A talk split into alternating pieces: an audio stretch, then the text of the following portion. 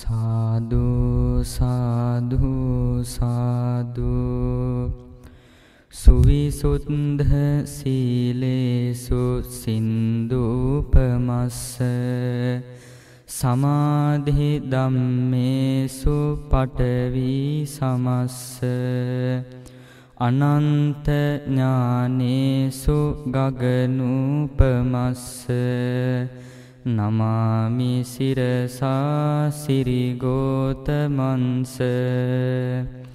මෝහන්ධකාරේසු සුරියෝපමස්ස සංසාරසෝතේසු සේතුපමස්ස දෝසම්පවාහේසු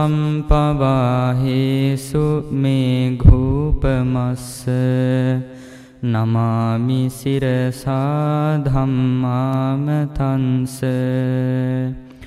පටිපත්ති සාරේසු සම්මාටිතස්ස උජොභූත මග්ගේසු යානාගතස්ස කුසලේසු ධම්මේසු කෙත්තුපමස්ස නමාමි සිරසා සුගතෝ රසංස සාදු සාදු සාදු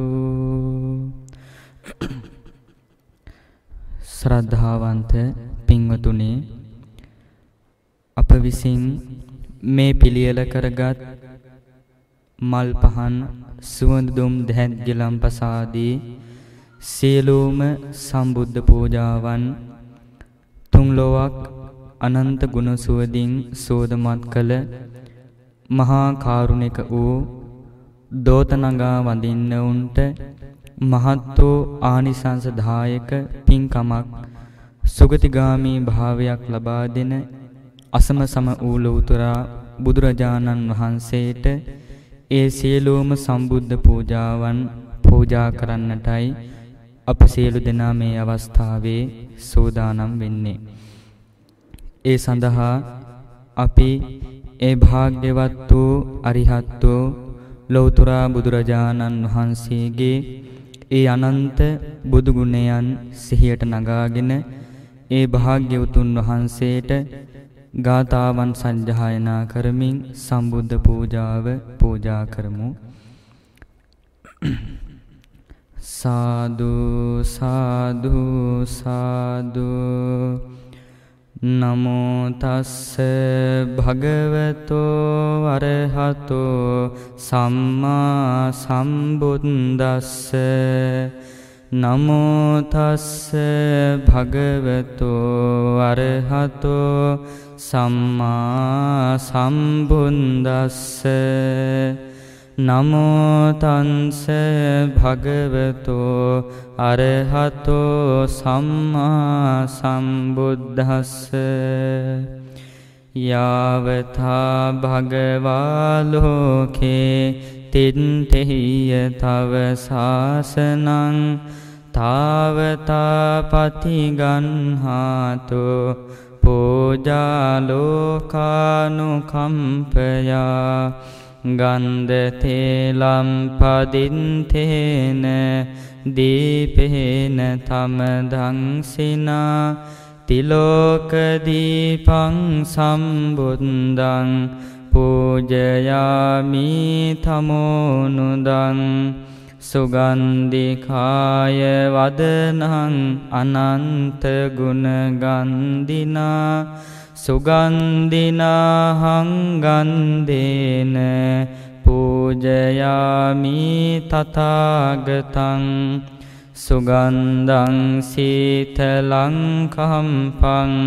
පසන්න මදුරං සුභං පානීයමේතං භගවා පතිගන්හාතු මුන්තම අධිවාසේතුනෝභන්තේ ගිලාන පංචයං ඉමං අනුකම්පං උපාදාය පතිගන්හාතු මුන්තම අදිවාසේ තුනෝභන්තේ සබ්බං සද්ධාය පූජිතං අනුකම්පං උපාධාය පතිගන්හාතු මුන්තම වන්න ගන්ධ ගුණෝපේතං ඒතං කුසුම සන්තතින් පූජයාමි මුනින්දන්ස සිරීපාද සරුරුහේ පූජේමි බුද්ධං කුසුමේනනේන පුඤ්ඤේන මේතේන ලබාමි මොංකං පුම්පං මිලායාති යතාහිදං මේ කායෝ තථායාති විනාශභාවං ඉතිපිසෝ භගවාරහං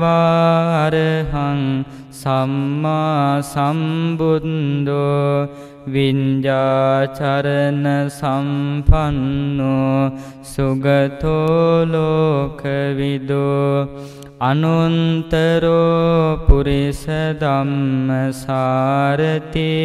සත්තාදේව මනුත්සානං බුද්ධෝ භගවාති ස්වාක්කාතෝ භගවතා දම්මෝ සන්දින්ටිකෝ අකාලිකෝ ඒහි පන්සිකෝ ඕපනයිකෝ පච්චන්තං වේදිතම්බෝ විඤ්ඤුහිති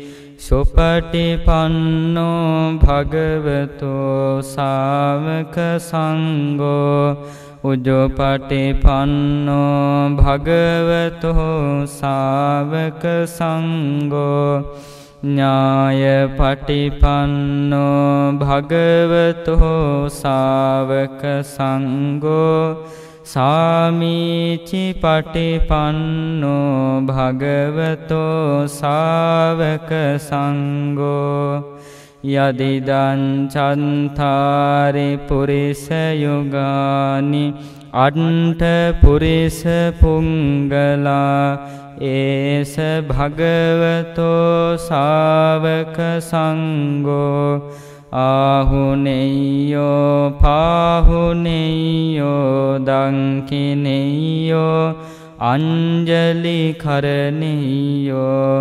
අනුත්තරං පුඤ්ඤක් කෙන්තං ලෝකන්සාති දුක්ඛේ ඥානං බුද්ධ ඥානං දුක්ඛ සමුදයේ ඥානං බුද්ධ ඥානං දුක්ඛ නිරෝධේ ඥානං බුද්ධ ඥානං දුක්ඛ නිරෝධගාමිනී පටිපදාය ඥානං බුද්ධ ඥානං අත්ථ පටි සම්භිදේ ඥානං බුද්ධ ඥානං ධම්ම පටි සම්භිදේ ඥානං බුද්ධ ඥානං නිරොන්තේ පටි සම්භිදේ ඥානං බුද්ධ ඥානං පටිභාන පටි සම්බිදේ ඥානං බුද්ධ ඥානං ඉන්ද්‍රිය පරෝ පරියන්තේ ඥානං බුද්ධ ඥානං සත්තානං ආසයානුසයේ ඥානං බුද්ධ ඥානං යමක පාටිහාරියේ ඥානං බුද්ධ ඥානං මහාකරුණා සමාපන්තියා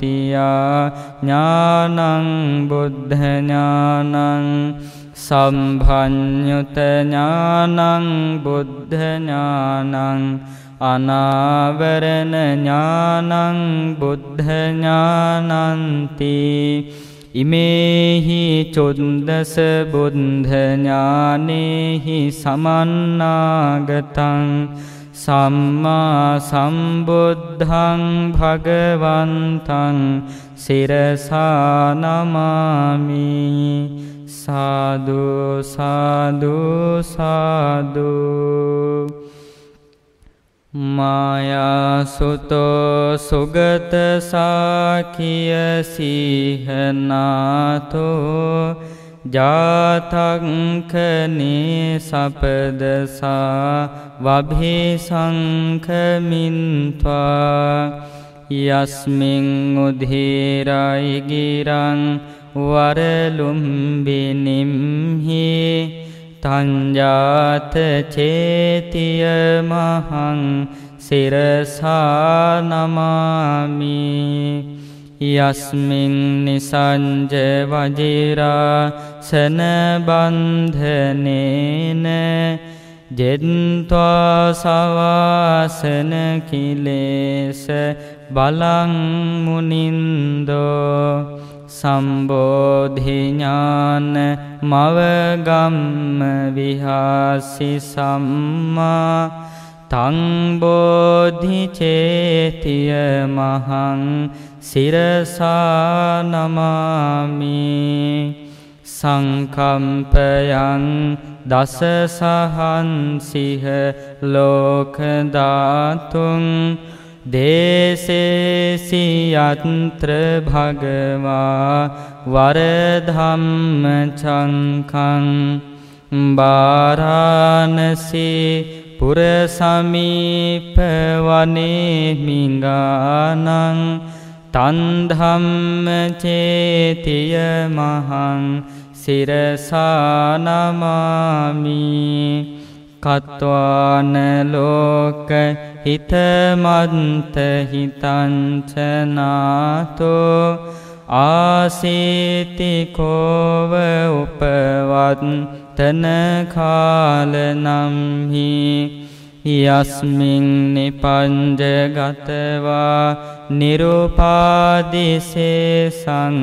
නිරුපාදිසේසං නිබ්භානචේතිය මහං සිරසානමාමි. සාධු සාධු සාධු.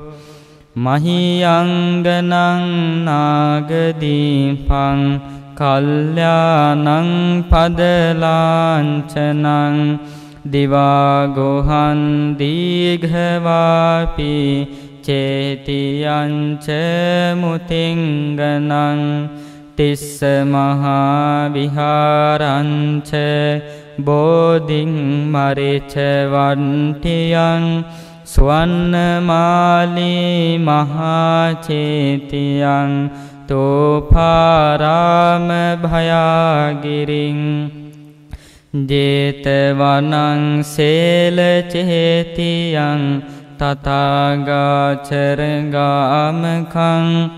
ඒතේ සෝල සටානානි අහං වන්දාමි සම්බදා යන්නම්මධාය නදියාපුලිනේචතීරේ යංසංච බන්ධගිරිකේ සොමනාචලංගේ යං සච්චයෝනකපුරේ මුනිනෝච පාදං තංපාදලාංචන මහං සිරසානමාමි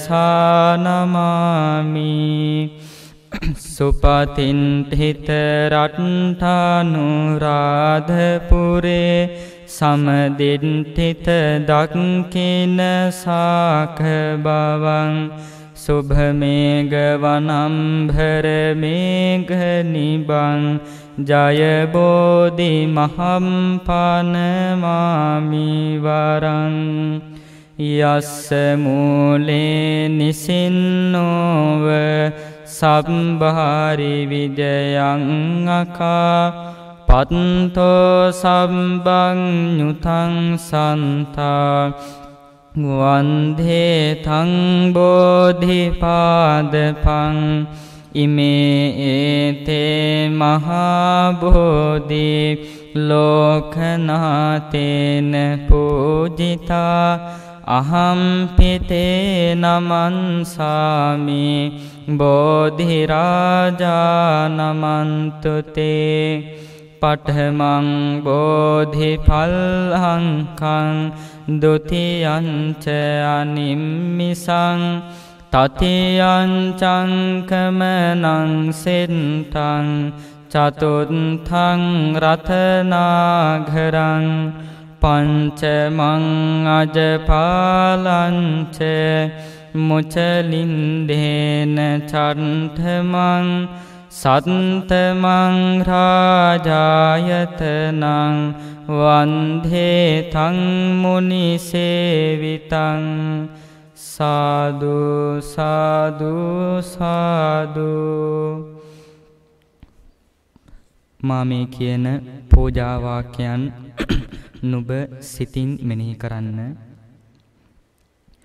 නිරෝධ සමාපන්තියෙන් නැගී සිටියක් මෙන්ද මහාකරුණා සමාපත්තියෙන් නැගී සිටියක් මෙහින්ද අරිහත් පල සමාපන්තියෙන් නැගී සිටියක් මෙහින්ද වැඩ සිටින්නා වූ දෙතිසක් මහා පුරුෂ ලක්ෂණයෙන්ද අසුවක් අනුව්‍යංජන ලක්ෂණයෙන්ද ව්‍යාමක් ප්‍රභාවෙන්ද කේතුමාලාලංකාරයෙන්ද සවනක් घन බුදුරැස් මාලාවෙන්ද හිරු මඩලක් මෙන් භබලන්නා වූ තුන් ලෝකවාසීන්ගේ ආමිස පූජා ප්‍රතිපත්ති පූජා පිළිගැනීමට යෝග්‍ය වූ අග්‍රදක්ෂනාර්හ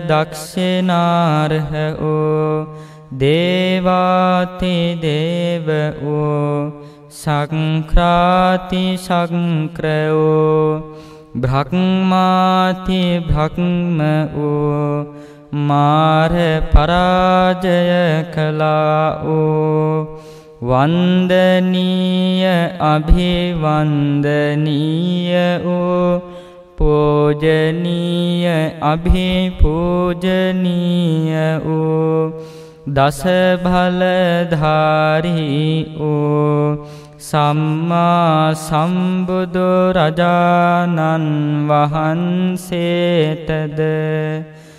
මහාකාරුණික වූ ශාන්තිනායක ධර්මරාජයන් වහන්සේ විසින් සරුවඥතාඥානයට පැමිණීම පිණිස සේවනය කරන ලද බෝධිරාජයාණන්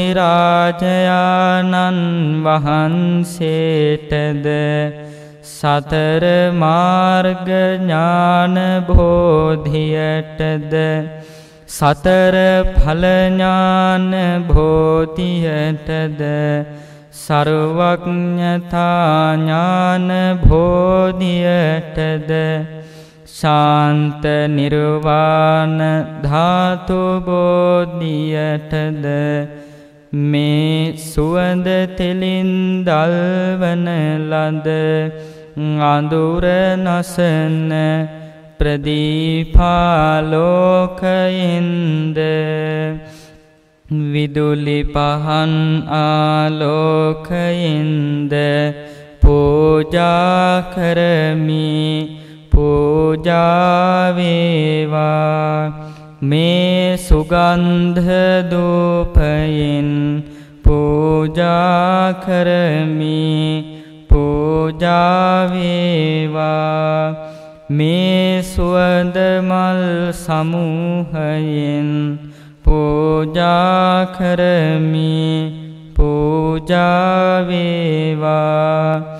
මේ විසිතුරු මල්දම් සමූහයෙන් පූජා කරමි. පූජාවේවා. මේ ප්‍රනීත අෂ්ඨපාන ගිලන් පසෙන් පූජා කරමි පූජාවේවා මේ සීලාදී ප්‍රතිපත්ති ධර්මයෙන් පූජා කරමි පූජාවේවා මෙසේ බුද්ධ පූජා පැවැත්වීමද බෝධි පූජා පැවැත්වීමද ඥාන පූජා පැවැත්වීමද ලොව පහළ වූ අනන්ත අපරිමාණ වූ බුද්ධ පච්චේක බුද්ධ අග්‍රශ්‍රාවක මහාශ්‍රාවක මහරහතන්නාදී මහෝත්තමයානන් වහන්සේලාගේ ශ්‍රේෂ්ඨචාරිත්‍රශීලයකි මමදයේ උතුම් චාරිත්‍රශීලය මෙසේ අනුගමනය කරමි. මේ ප්‍රනීත පූජාවස්තු සමූහය ස්වල්ප මොහොතකින් අනිත්‍යත්වයට යන්නාසේ සියලු සංස්කාරයෝ අනිත්‍යයෝය. සියලු සංස්කාරයෝ දුක්ඛයෝය සියලු ධර්මයෝ අනාත්මයෝය මේ බුද්ධ පූජාමය බෝධි පූජාමය ඥාන පූජාමය වන්දනාමය සීලමය ප්‍රතිපත්තිමය කුසලානි සංසධර්මය බුදු පසේ බුදු මහරහතන් වහන්සේලා නිවීසනසී පැමිණ වදාලා වූ පරම රමණීය වූ ශාන්ති ලක්ෂණ වූ නිර්වාණ අභයපුරයට සුවසේ පැමිණීම පිණිසම හේතු වේවා වාසනාව වේවා. සාදු සාදු සාදු. පින්වතුනි අප සියලු දෙනා මෙතෙක් වේලා රැස් කරගත් සීලෝම කුසලානි සංස ධර්මයන් අපගේ නමින් මිය පරලෝකීය සියලුම ඥාති බන්දු වර්ගයාට මේ පින් අනුමෝදන් කරමු අනුමෝදන් වෙත්වා. ඒ සියලු ඥාතීහු මේ පින් අනුමෝදන් වී සුවපත් ජීවිතත්වෝ වෙත්වා යන අදහසින් ඥාතීන්ට පින් අනුමෝදන් කරමු. ඒ වගේම පින් කැමැති සියලුම දිව්‍ය දේවතාවුන් වහන්සේලාටත් සක්‍ර දේවේන්ද්‍රයන් ප්‍රදාන සතරවරන් දිවිරාජවරුන්ට අල්පේශාක්‍ය මහේශාක්‍ය සීලූම පින් කැමැති දෙවියන්ට අපි මේ පින් අනුමෝදන් කරමු. ඒ සියලු දෙවියෝ මේ පින් අනුමෝදන් වෙත්වා අනුමෝදන් වී මේ සම්බුද්ධ ශාසනයත් බොහෝ කලක් ආරක්ෂා කරත්වා යන අදහසින් දෙවියන්ට ඥාතීන්ට පින් අනුමෝදන් කරමු. ඉදං වූ ඥාතිනං හෝතු සුඛිතා හොන්තු ඥාතයෝ ඉදං වූ ඥාතිනං හෝතු සුඛිතා හොන්තු ඥාතයෝ ඉදං වෝ ඥාතිනං හෝතු සුකිතා හොන්තු ඥාතයෝ ආකාසන්තාච බුම්මන්තා දේවානාගා මහින්දිකා පුඤ්ඤන්තං අනුමෝදිත්වා තිරංරක්කන්තු සම්බුද්ධ ශාසනං ආකාසන්ටහාච බුම්මන්ටා දේවානාගා මහිද්දිකා පුඤ්ඤන්තං අනුමෝදිත්වා චිරංරක්කන්තු සම්බුද්ධ දේශනං ආකාසන්ටාච බුම්මන්ටා දේවානාගා මහින්දිකා පුඤ්ඤන්තං අනුමෝදිත්වා චිරංරක්කන්තු සම්බුද්ධ ශාවකං චිරංරක්කන්තු මං පරන්ති ඉමිනා පුඤ්ඤ කම්මේන මාමෙහි භාල සමාගමෝ සතං සමාගමෝ හෝතෝ යාව නිබ්බාන පන්තියා. ඉදම් මේ පුඤ්ඤ කම්මං ආසවංකයාවහං හෝතු. සම්බදුක්ඛා පමුංචතු. අනන්ත සසර පටන් මේ මොහොත දක්වා මාගේ සිතකය වචන යන තුන්දොරින් සිදුනාවෝ සියලු දෝසයහනට බොද්ධරත්නයෙන්ද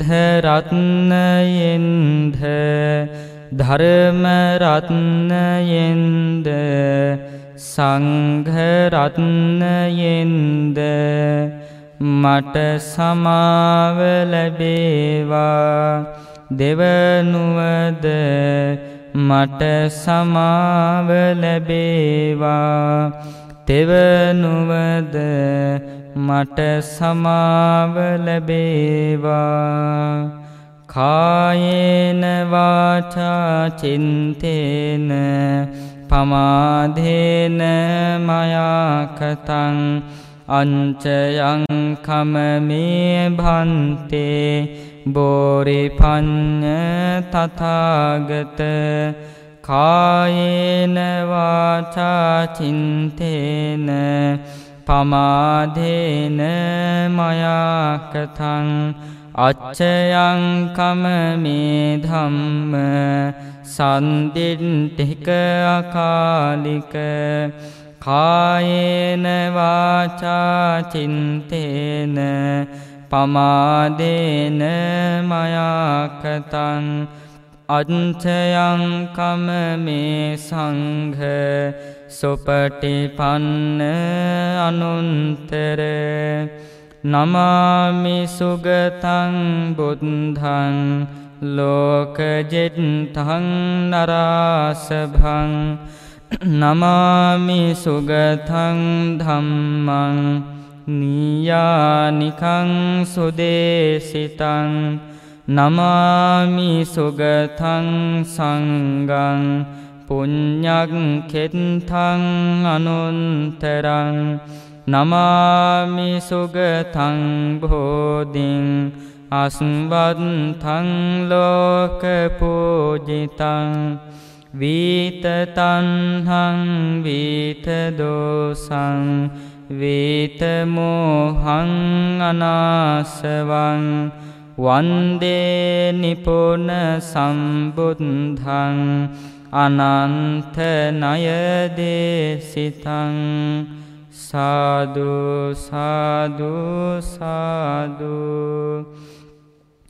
සියලු දෙනාටම අනන්ත බුදුගුණ බලයෙන් අනන්ත ශ්‍රී සද්ධර්මයේ ආනුභාවයෙන් මහා සංඝරත්නයේගේ අනන්ත ගුණ බලයෙන් මේ සූවිසි මහා ගුණ බලයෙන් මේ සෑම සිළු දෙනාටම සිතක් වේවා සාන්තියක් වේවා සැනසීමක් වේවා අභිවෘද්ධියක්ම වේවා යන අදහසින් ආශිර්වාද කරනවා. සියලු දෙනාටම තෙරුවන්ගේ සරණ ලැබේවා කියලා ආශිර්වාද කරනවා.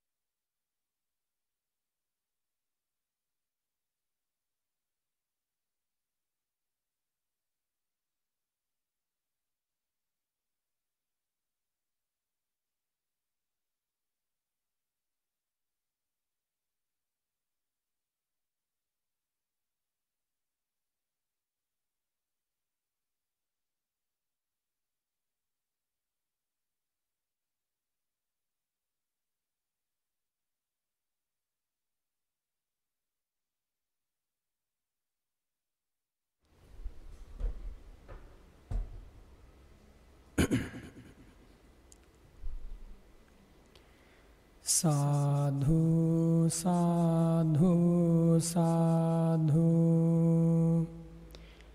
සමන්තා චක්කවාලේසු අත්ත්‍රාගච්ඡන්තු දේවතා සද්ධම්මං මුනි රාජස්ස සුනන්තු සග්ග මොක්ඛදම් ධම්මස්සවන කාලෝ අයං භදන්තා ධම්මස්සවන කාලෝ අයං භදන්තා ධම්මස්සවන කාලෝ අයං භදන්තා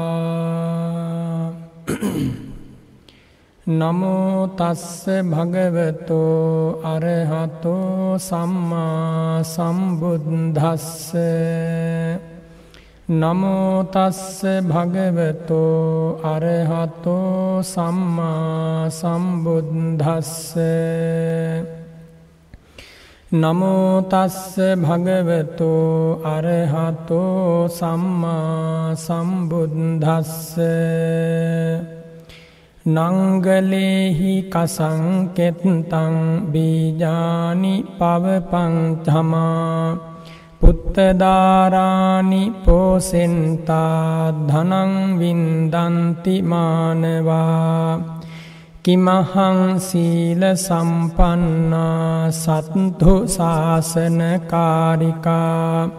නිබ්බානං නාධිගච්ඡාමි අකුසීතා අනුද්ධතා පාදං පක්ඛාල ඉත්වාන උදකේසු කරෝමහං පාදෝද කංච දිස්වාන තලතෝ නින්න මාගතං තතෝ චිත්තං සමාධේසින් අස්සං භද්දංව වානිජං තතෝ දීපං ගහෙත්වාන විහාරං පාවිසිං අහං සෙය්යං ඕලෝක ඉත්වාන මංචකම්හි උපාවිසිං තතෝසූචිං ගහෙත්වාන වට්ටිං ඕකස්සයාමහං පදීපස්සේව නිබ්බානං විමොක්හෝ අහු චේතසෝතිී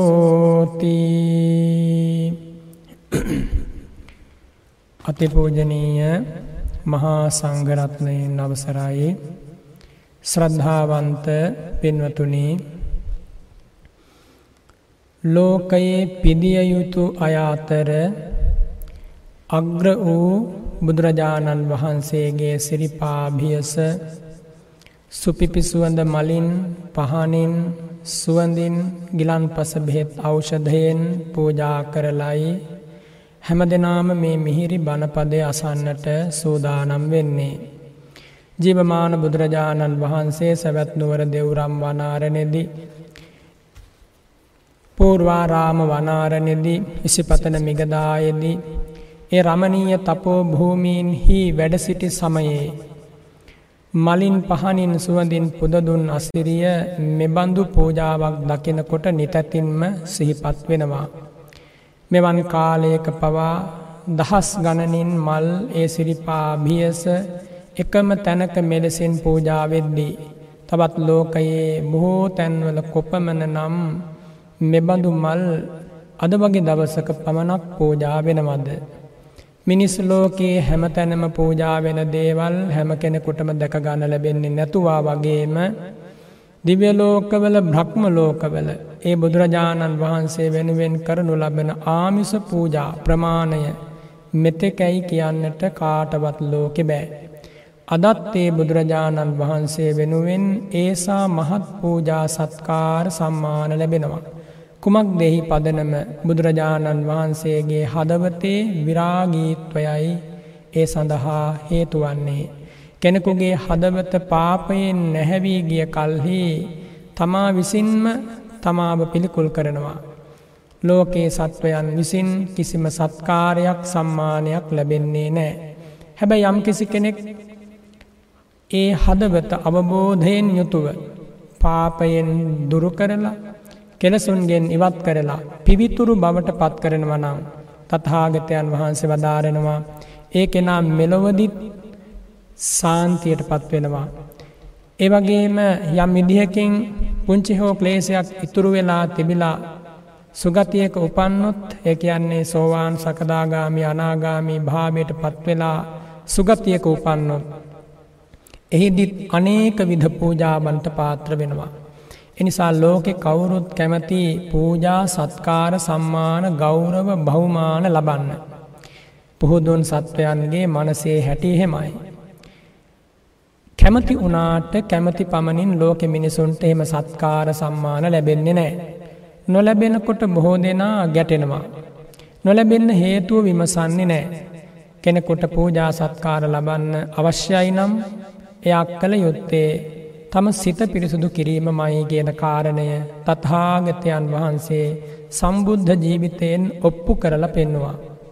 සිද්ධාර්ථ මහබෝසතාණන් වහන්සේ ලෙස රජමාලිගාවේ පස්කම් සුව විඳපු කාලේ නොලැබිච්ච අසීමිත පූජා සම්බුද්ධත්වයත් සමග තතහාගතයන් වහන්සට ලැබුණා. පෙරජාති ජාතිත් සංසාරය ලැබුණ උපන් මොහොතේ පටන් මේ සම්බුද්ධ ජීවිතයත් ලැබුණ.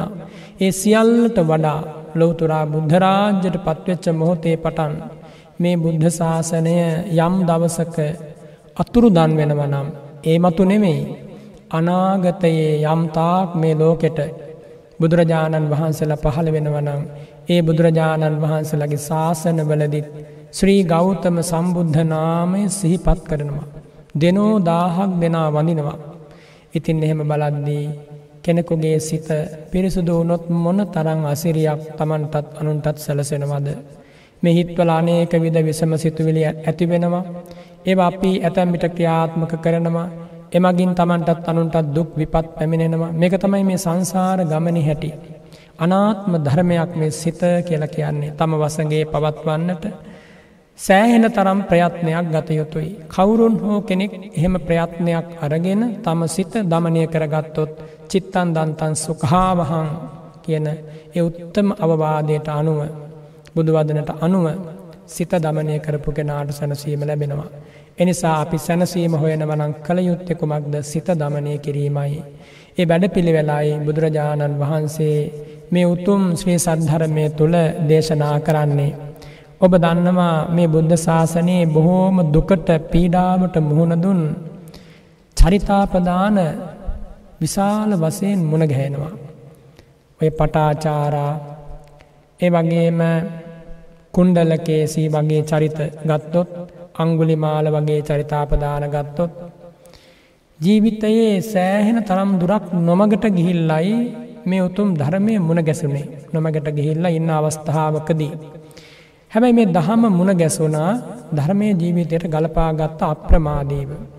අන්නේ කාරණය නිසා ඒ චරිත විරාගී රහත් උත්තම උත්තමාවියන් බවට පත්වෙච්ච හැටි මේ බුද්ධ ශාසන ඉතිහාසයේ රන්නකුරෙන් ලිය වෙලා තියෙනවා.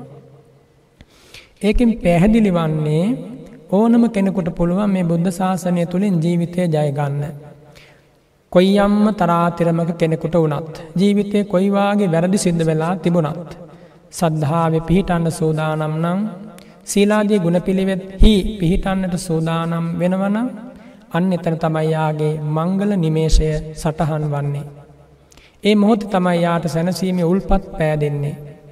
යෝ අච්චයන් අච්චේ තෝ දිස්වා යථා දම්මම් පටිකරෝති වැරැද්ද වැරැද්ද හැටියට දැකලා කවුරුන් හොේ වැරැද්ද සකසා ගන්නට උත්සුක වෙනවනං බුද්ධියේ සාභික්කවේ අරියස්ස ධම්ම විනයේ ඒක මේ බුද්ධ ශාසනය තුළ සැබවින්ම අපරාජිත ජයග්‍රහණයක් වෙනවා. ඉතින් ඒ වගේ කතාවක් තමයි අද මේ උතුම් ධර්ම දේශනාවට මා මාතෘකා කරන්නට යෙදුනේ. ඔබ දන්නවා පටාචාරා උත්තමාවිය. මේ බුද්ධ ශාසනය තුළ විනයධාරී භික්‍ෂුණීන් අත්තර අග්‍රස්ථානයට පැමිණුණා. ඇගේ ජීවිතය ගැනගත්තොත් සංසාර ගමන ගැනගත්තොත් කොයි කවුරුත් අහල තියෙනවා. නැවතවතාවක් ශ්‍රමණය කළොත් තමන්ගේ ජීවිතයට වටිනා දේවල් තවත් එකතු වෙන තරමට ඒ චරිතාපදානය හරි පුදුම සිදුවීම්වලින් යුක්තයි. ඉතින් ඒ උත්තමාවිය මහරහත් භාවයට පත් වෙලා දවසක්දා තම අතීත සසර ගමන ගැනත් මේ ජීවිතයේ සම්බුදුරජාණන් වහන්සේගේ මුණගැසීම ගැනත්. එවගේ මේ අරහත් පල විමුක්තිය ගැනත් ඇය ප්‍රකාශ කරනවා. කොහොමද නංගලෙහි කසං කෙත්තං බීජානි පවපං තමා පුත්තධාරාණි පෝසෙන්තා ධනං වින්දන්ති මානවා මේ ලෝක ඉන්නවා ගි ජීවිත ගත කරන තරුණ වයසේ ඉන්න උදවිය.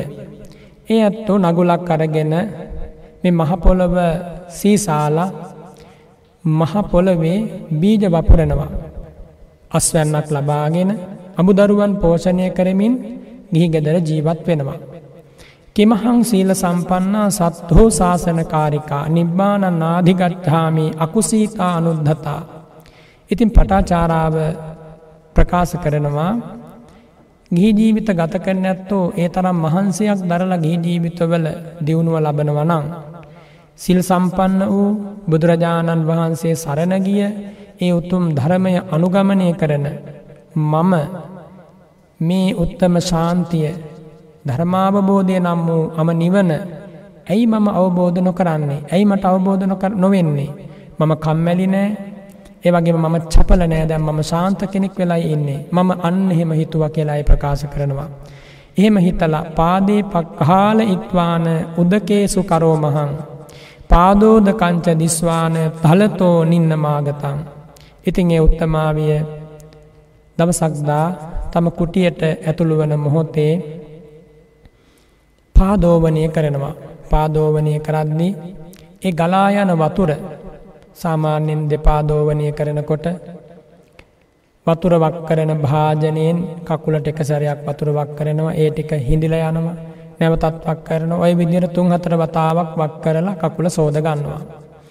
ඉතින් පළවෙනි වතාවේ වත් කරන ලද ජලය පොළවෙ ටික දුරක් ගලාගෙන ගිහිල්ල පොළවට උරාගත්තා. දෙවනි වතාවේ වත් කරපු ජලය තව ටිකක් දුරට ගලාගෙන ගිහිල්ල පොළවට උරාගත්තා. ඉන් අනතුරුවක් කරපු ජලය තවදුරටත් ගලාගෙන ගිහිල්ල පොළවට උරාගත්තා. ඉතින් ඇය කල්පනා කරනවා මේ වගේම මේ ලෝකෙ සත්වයෝ අර ටික දුරක් ගිහිල්ල කෙටි දුරක් ගිහිල්ල වතුර ටික ගලාගෙන ගිහිල්ලා පොළොවට උරාගත්ත වගේ මේ සත්වය කුඩා වයසේදීම මැරිල යනවා. යම් පමණකට මධ්‍යම ප්‍රමාණයේ දුරක් ගිහිල්ල පොළොවටේ වතුරටික උරාගත්ත වගේ මේ ලෝක උපන් සත්වයෝ මැදිවයසට ඇවිල්ලා මරණයට පත්වෙනවා. ඒ වගේම සෑහෙන තරම් දුරක් ගලාගෙන ගිහිල්ල පොළොවට උරාගත්ත වගේ මේ ලෝකයේ බොහෝ දෙනා ජීවිතයේ සෑයන තරම් ආයුෂයක් වින්දනය කරලා මරණයට පත්වෙනවා. අහෝ මේ ජීවිතය කියන්නේ අන්න ඒ බඳු ධර්මයක් කියලා ඇය එමගින් නිතා වටිනා විපස්සන අරමුණක් හිතට ගත්තා. බලන් අපිට කොච්චර දේවල් මුණගෑනෝද මේ ජීවිතයේ ජීවිතය ගැන පාඩම් ඉගෙන ගන්නට පුළුවන්. ඉතින් එහිදී ඉතා පිරිසිදු දහම් දැනුමක් තිබීම ඉතාම වැදගත් වෙනවා. පටාචාරාව ජීවිතය නොෙක් වාරවල පාදෝවනය කරන්නට ඇති ගලාගිය ජලය පොළොවට උරන්නට ඇති හැබැයි බුදුරජාණන් වහන්සේගේ ධර්මය මුණ ගැහලා තිබුණේ නැති නිසා. ඇයට බැරි වුණා යෝනිසෝ මනසිකාරයෙන් විමසන්න. ඉතින් ඒ උත්තමාවිය එදා හිතනව තතෝ චිත්තන් සමෝදේසින් අස්සං භද්‍රංව ජානියන්. මම එදා ඒ කාරණය තුළ මනාව සිත පිහිටවල සංවේග ඇති කරගත්තා ජීවිතය පිළිබඳව. ඉන් අනතුරුව තතෝ දීපං ගයත්වාන විහාරම් පාවිසිංහාගෙන ඉන් අනතුරුව දල්වන ලද පහනාරගෙන විහාරයට ඇතුල් වුණා. පිංවතුල්ල මේවා අහනකොට හිතන්නට ඕන මේ ජීවිතය තුළ මගඵල නිවන්සුව ලැබෙන විදිහ. තැන සැබවින්ම අපට කියන්නට බෑ. ඇයි මම එහෙම කියන්නේ දැන් මේ උත්තමාවී බලන්න කොයි විදිහට මාර්ගඵල ශාන්තිය ලබන්න ඔබට වැටෙහි මේ කතාව අවසානය. පහනක් අරගෙන ඇය විහාරය ඇතුළට යනවා. ඇතුළට ගිහිල්ලා සෙයං ඕලෝක ඉත්වාන මංචකම්හි උපාවිසින්. පොඩි ඇදක් අරගෙන නත්තම් පැදුරක් කෙලාගෙන ඇඳේ වාඩි වෙලා තතෝ සූචින් ගහිත්වාන වට්ටිං ඕකස්සයාමහන් ඉන් අනතුරු අර පහනේ තිරය නැත්තම් වැටි අරගෙන තෙල් තියෙන පැත්තට ඇද්දා. ඇයි තෙල් තියෙන පැත්තට ඇද්දි පහන නිවෙන්නට. ඇයට ඕන වුණා පහන නිවල භාවනාවේ දෙන්න. පදී පස්සේව නිබ්බානං විමොක් හෝ අහූ චේතසෝ අන්නේ වෙලාවේ පහන නිවිල යනවාත් සමගම නිවී යන මොහොතේ ඇය සියලු කෙලෙසුන් ප්‍රහාණය කරලා මහා රහත් උත්තමාවියක් බවට පත් වුණා. නිමේශයයි ගත වුණේ. දැන් පටාචාරා රහත් උත්තමාවියක්. මෙය තමයි මේ ජීවිතයට ලබා දෙන වටිනාම ආදර්ශය පටාචාරාවගේ චරිතාපදානයෙන්. යෝනිසෝ මනසිකාරය තිබුණොත් මේ ධර්මමාර්ගය අපට කබදා හෝ දවසක මොහොතක තැනක මේ සිත පිරිසිදු කරලා අවසන් කරන්න පුළුවන්. රූපය කවදාවත් පිරිසිදු කල් අවසන් කරන්න බෑ. සිත පිරිසිදු කල් අවසන් කරන්න පුළුවන්. පිරිසිදු සිතක් යමෙකුට ලබාගන්නට පිරිසිදු සිතක මිහිර විඳගන්නට චිත්ත පාරිශුද්ධියයේ ඇති සහනය ලබන්නට එමනත්තං තබත් විදිහකින් කිව්වොත් පිරිසිදු සිතක් ඇති කෙනෙකුගේ ජීවිතයට ලැබෙන සෑම සොඳුරු අත්දැකීමක්ම ලබන්නට මේ තතාගත ධර්මය හැර වෙන සරණක් නෑ. අපි අද වගේ දවස්සක මෙසුපි පිසුවඳ මල් පූජාවකට සම්බන්ධ වෙනවා. ඕස්ට්‍රේලියාවේ බ්‍රිස්බේන් නුවර පදිංචි පින්වත් හිසානිද සිල්වා මහත්මිය තම ආදරණීය මෑණියන්ගේ අද දිනට යෙදෙන ජන්මදිනය සිහිපත් කරගෙන මේ මලින් පහනින් සුවඳින් තථාගත බුදුරජාණන් වහන්සේට පූජා කරලා දුර රටක ඉඳන් මේ දෙස බලාගෙන අනුමෝදම් වෙනවා සතුටටපත් වෙනවා මේ හෑම පින්කමක්ම මේ හෑම පුෂ්ප පූජාවක්ම දවසක ඔබේ හදබතට අති නන්දනීය ඕ චිත්තාහලාදයක් ජනනය කරමින් ඔබ හැම දුකකින්ම අතමුදවනවා. හැරිල බලද්දි ඔබ ආ සංසාර ගමන දෙස මේ උතුම් පුස්පෝපහාරය තතහාගත සම්බුද්ධ ශාසනය සිදු කළ ගෞතම නම් වූ බුදු පාමුල. ඔබේ මතකයට ඒවී සිහියට ඒවී ඒ තරමින් අනුස්මරණීය පූජනීය මොහොතක් මේ. පිංහතුනි ජීවිතයේ වැඩිපුරම දුක් ලැබෙනවනම්. ඒ වැඩිපුරම දුක් එෙන මොහොත අවසන් වෙන්නේ උපරිම සතුටකින් කියලා බොහෝ දෙනාතර මතයක් තියෙනවා. මේ පටාචාරා උත්තමාවියගේ චරිතාපදානයෙන් ඒ කාරණය තහවුරු වෙනවා. පටාචාරා කියන්න එසේ මෙසේ කෙනෙක් නෙමෙයි. පටාචාරා උත්තමාපිය පදුමුත්තර බුදුරජාණන් වහන්සේගේ කාලේ හංසවතී නගරයේ කුල ගෙදරක ඉපදුනා. ඉතින් එහෙම ඉපදිලා දවසක්දා පදුමුත්තර බුදුරජාණන් වහන්සේගේ ශ්‍රීමුඛ දේශනාව සදහම් අමා දේශනාව ශ්‍රවණය කරන්නට ගමන් කරලා ඒ බණහාහා ඉන්නකොට එක්තරා භික්‍ෂුණයක් විනය ධර උත්තමාවියන් අතර අග්‍රස්ථානයේ තබනව ඇයට දකින්න ලැබුණා. ඇගේ සිතට එමගින් සංඥාවක් අදහසක් පහළ වුණා බුදුපාමොක් මහසංගරුවන ඉදිරියේ මේ උත්තම භික්‍ෂුණිය බුදුරජාණන් වහන්සේගේ සිරිමුව මඩලින් ලබා දෙනු ලබන අග්‍ර තනතුරක පිහිටිය. අහු මේ භික්‍ෂුණිය ආනු භාව සම්පන්න කෙනෙක් එසේ මෙසේ තනතුරක් නෙමෙයි විනය ධාරීන් අතර අග්‍රයි කියන තනතුර. විනය කියන්නේ බුද්ධ ශාසනයක ආයුෂයනේ. එතකොට එවන් තනතුරක පිහිටන්නට ලැබෙන්නේ එසේ මෙසේ කෙනෙකුට නෙමේ. ඉතින් එදා පටාචාරාවට හිතුනා මටත් මෙ බඳු තනතුරක් ලබන්නට තිබේ නම්. ඉතින් එහෙම හිතලා ඇය ඒ බඳු ප්‍රාර්ථනාවක් සිද්ධ කලා බොහෝ පින්කම් සිද්ධ කරලා. ඒ ජීවිතයේ පුළුවන් තරම් කාලයක් පිනෙන් ජීවිතය හදවත පුරවාගෙන ඉන් අනතුරුව දෙවිමිනිස් සුගතියේ අපමණ සැප ලබමින් ගමන් කරලා බලන්න එක ජීවිතයක් හරියාකාරව බුද්ධ ශාසනය තුළ යොදවාගත්තොත් මොනතරන්නම් සතුටකට ඒක ආරම්භයක් වෙනවද. ඉතින් එතුමිය ඒ විදියට කල්ප ලක්ෂයක් සුගතිය සුගති ලෝකවල සැප සම්පත් විඳමින් කාශප බුදුරජාණන් වහන්සේ පහළ වෙච්ච මේ භද්‍රකල්පයේ කාශප බුදුරජාණන් වහන්සේගේ කාලයේ කිකී කියන කාසි රජතුමාගේ රජමැදුරේ පිළිසිඳ අරගෙන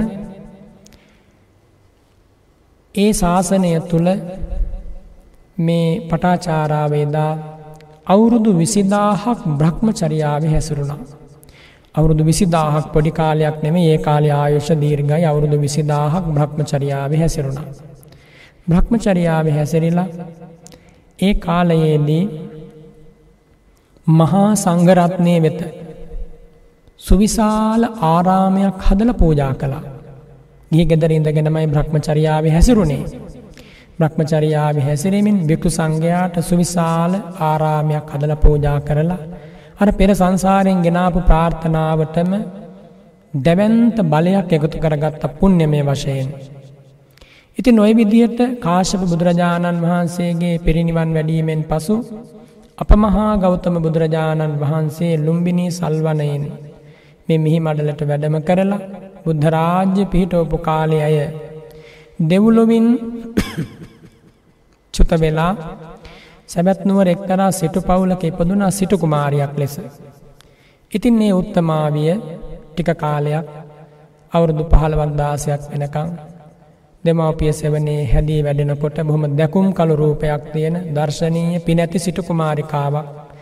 ඉතින් ඒ කාලේ කෙනෙකුගේ හිත්වලට කෙලෙස් ධර්මරාගාදී මල ඇතිවෙන කාලේ මේ පටාචාරාවට සිද්ධ වුණා එක්තරා කම්කරුවෙකු සමඟ සම්බන්ධයක් ඇති කරගන්නට.